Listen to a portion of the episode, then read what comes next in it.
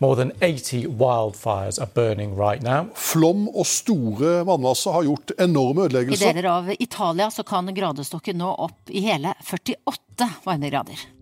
Denne sommeren har vært fylt av skremmende bilder.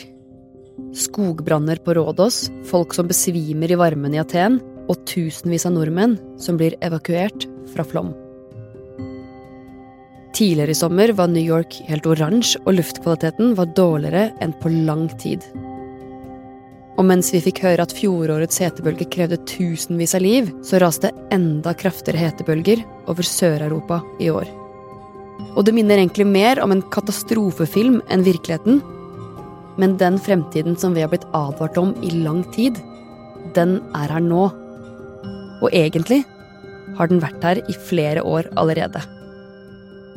Du hører på Forklart fra Aftenposten, en podkast der jeg forklarer én nyhet i hver episode. I dag om hvordan klimaendringene som skulle komme, er her nå. Og hvordan fremtiden kommer til å se ut. Jeg heter Jenny Føland, og i dag er det mandag 14. august.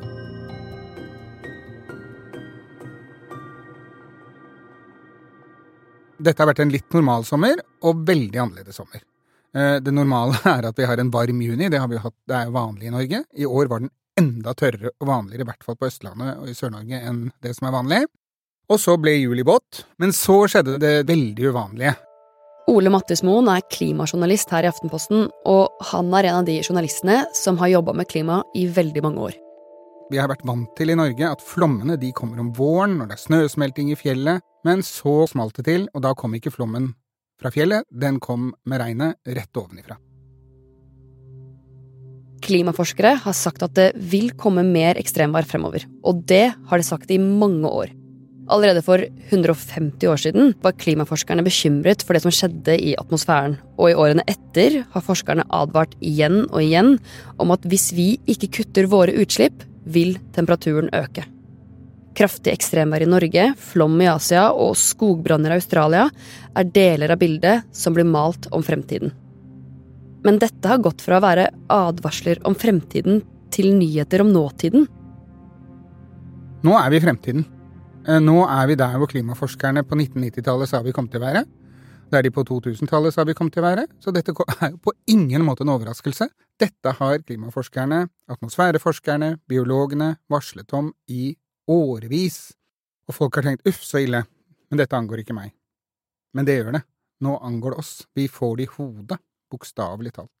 Disse klimaendringene kom altså ikke denne sommeren. Eh, også i Norge har vi merket dem i årevis med forskjellige ekstremiteter. Men vi er så utrolig flinke til å glemme. Hvordan var det for eksempel i fjor, da? Eh, I Norge var den vel egentlig ganske normal, med både sol og regn. I Sør-Europa så var det katastrofe. Hetebølgene sto i kø. Jeg tror Frankrike hadde noe sånt som fem eller seks uavhengige hetebølger gjennom sommerhalvåret. Samme i Spania, i Hellas, Kroatia. Elver tørket ut, innsjøer tørket ut, grunnvannet sank, landbruket fikk store problemer med, med vanning og matproduksjon.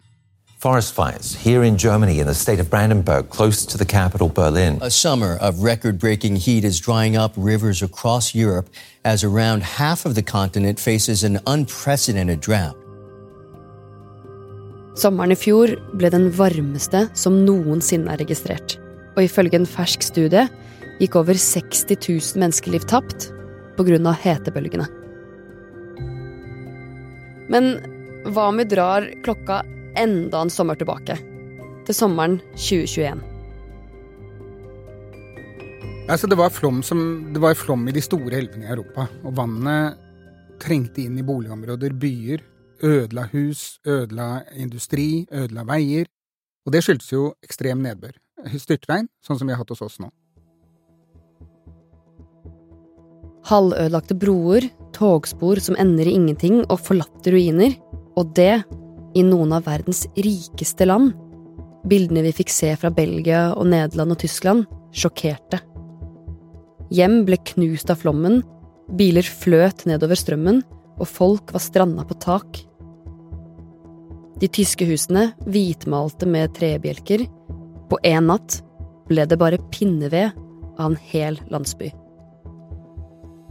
Altså, rett etter at flommen er, er over og at vannet har trukket seg tilbake, så er det jo som å vasse rundt i et gjørmebad. Det skal jo flere norske bygder nå gjennom. De må skuffe gjørme og skuffe bygningsdeler og fjerne høyballer fra Mjøsa. Og det, å bygge opp igjen broer og bygge opp igjen veier, det er en kjempejobb. Og så, sommeren 2018, det er altså bare fem år siden. Du husker kanskje at du bada ekstra mye den sommeren, og du ble kanskje enda brunere enn du pleier å bli. Aldri før har det vært målt så mange soltimer i hovedstaden, og gjennom de tre sommermånedene hadde vi 40 dager med over 30 grader. Ja, det var kanskje deilig, men det førte også med seg mange konsekvenser. Andre, veldig mange andre, husker den sommeren som et mareritt. Eh, folk som hadde kyr, kuer, måtte slakte ned besetninger stramme inn, de fikk, nok, de fikk ikke produsert nok fôr til kommende vinter, det var ikke nok beiteareal, eh, kornet tørket inn, eh, grunnvannet sank mange steder, dramatisk, det ble restriksjoner på drikkevann og på vanning, ikke minst, i hager og så videre. Så egentlig var det ganske dramatiske konsekvenser. Og alt det her, altså sommeren 2018, sommeren 2021, sommeren 2022 og i år, hva betyr alt det her, hva forteller det oss om kloden vår. Det forteller oss at global oppvarming har skjedd og kommer til å skje. Og dette er den nye virkeligheten vår, at disse ekstremsituasjonene kommer til å komme hyppigere og oftere, og de kommer til å bli tøffere når de først kommer. Men hvis fremtiden vi ble advart om, er her nå, hva slags fremtid er det som vil komme da?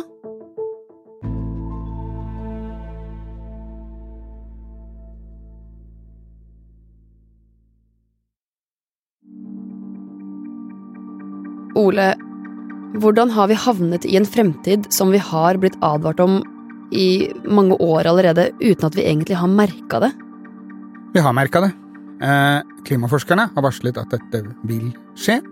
Eh, både tørke og flom og ekstrem nedbør. Men vi, en, vi, mennesker har en ufattelig evne til å glemme.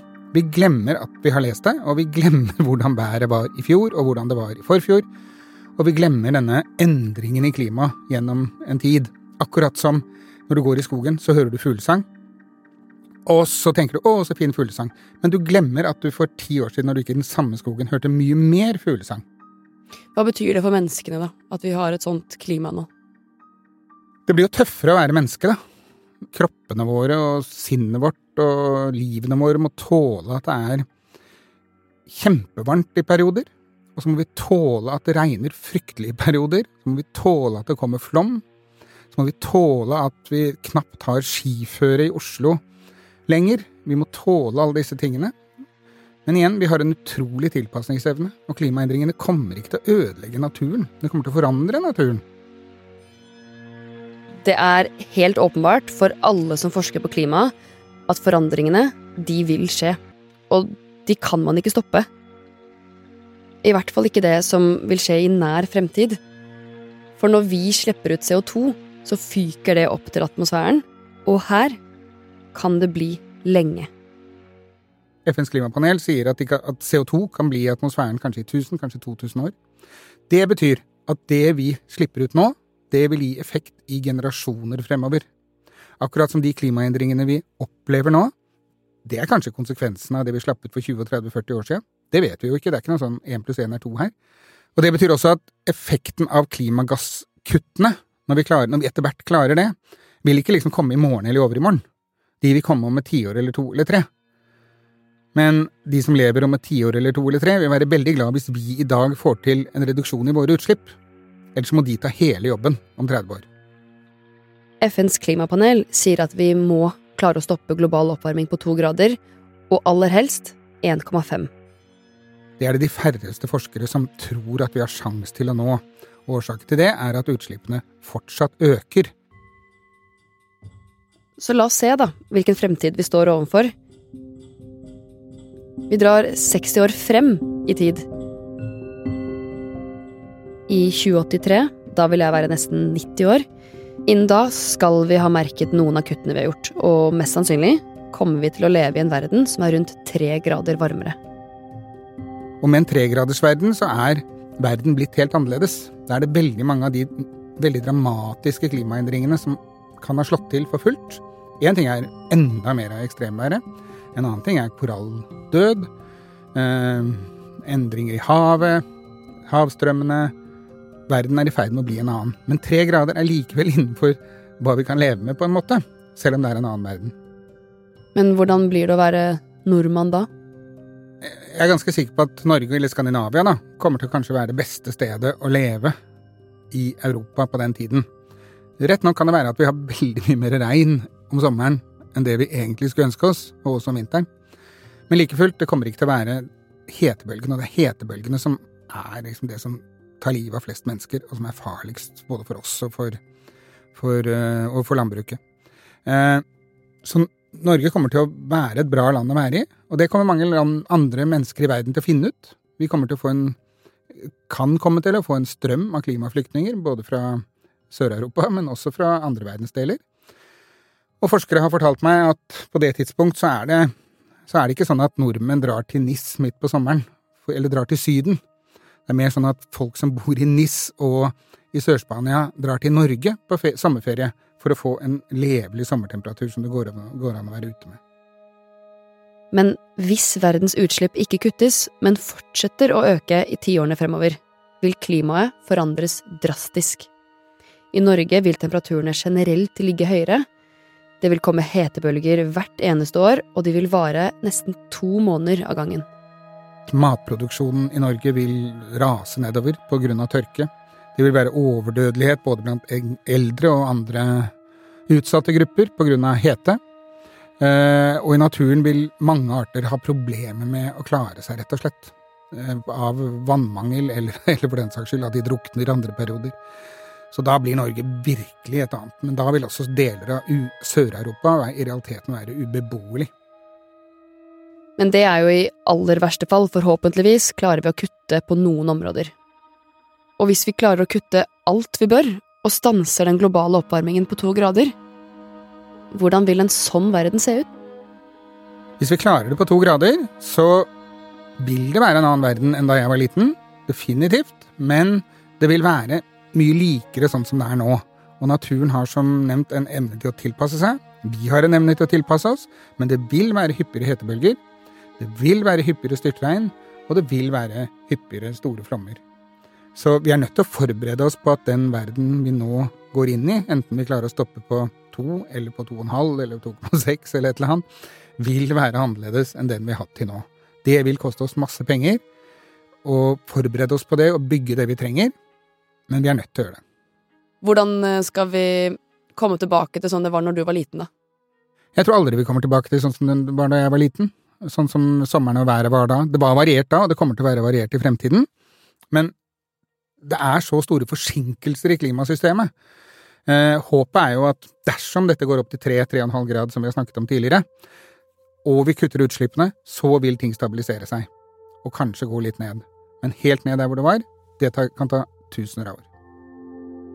Men at den fremtiden som vi har blitt advart om så lenge er her nå, har kanskje ført til at folk er litt mer oppmerksomme på det som skjer på kloden vår? Vil det ha noe å si for veien videre nå? At folk ser det som skjer nå.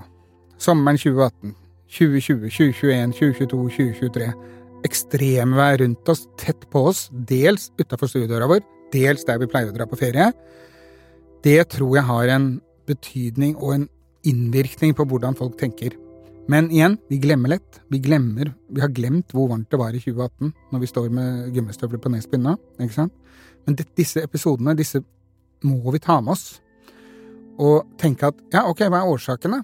Jo, det er faktisk våre klimagassutslipp. Og så kan man si ja, men Kina slipper jo ut nesten halvparten. Norge slipper ut en promille. Eh, ja, det er sant, men hvis vi tar og deler det per person, utslipp per person, så er det norske forbruket skyhøyt over de aller fleste mennesker i verden. For det er forbruket vårt som er greia. Altså, vi er, 8 milliarder mennesker på, på kloden. I Norge er vi 5,5 million. Men alle de er lille meg.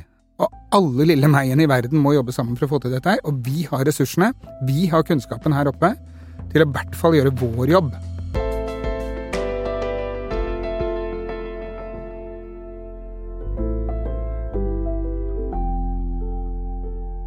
Du har hørt en podkast fra Aftenposten. Det var Ole Mattismoen som forklarte deg hvordan fremtidens somre vil bli. Denne episoden er laget av Olav Eggesvik og meg, Jenny Føland. Resten av Forklart er Synne Søhol og Anders Weberg. Du har hørt lyd fra ABC, BBC, Sky, NRK, NBC, TV 2 og Deutsche Welle.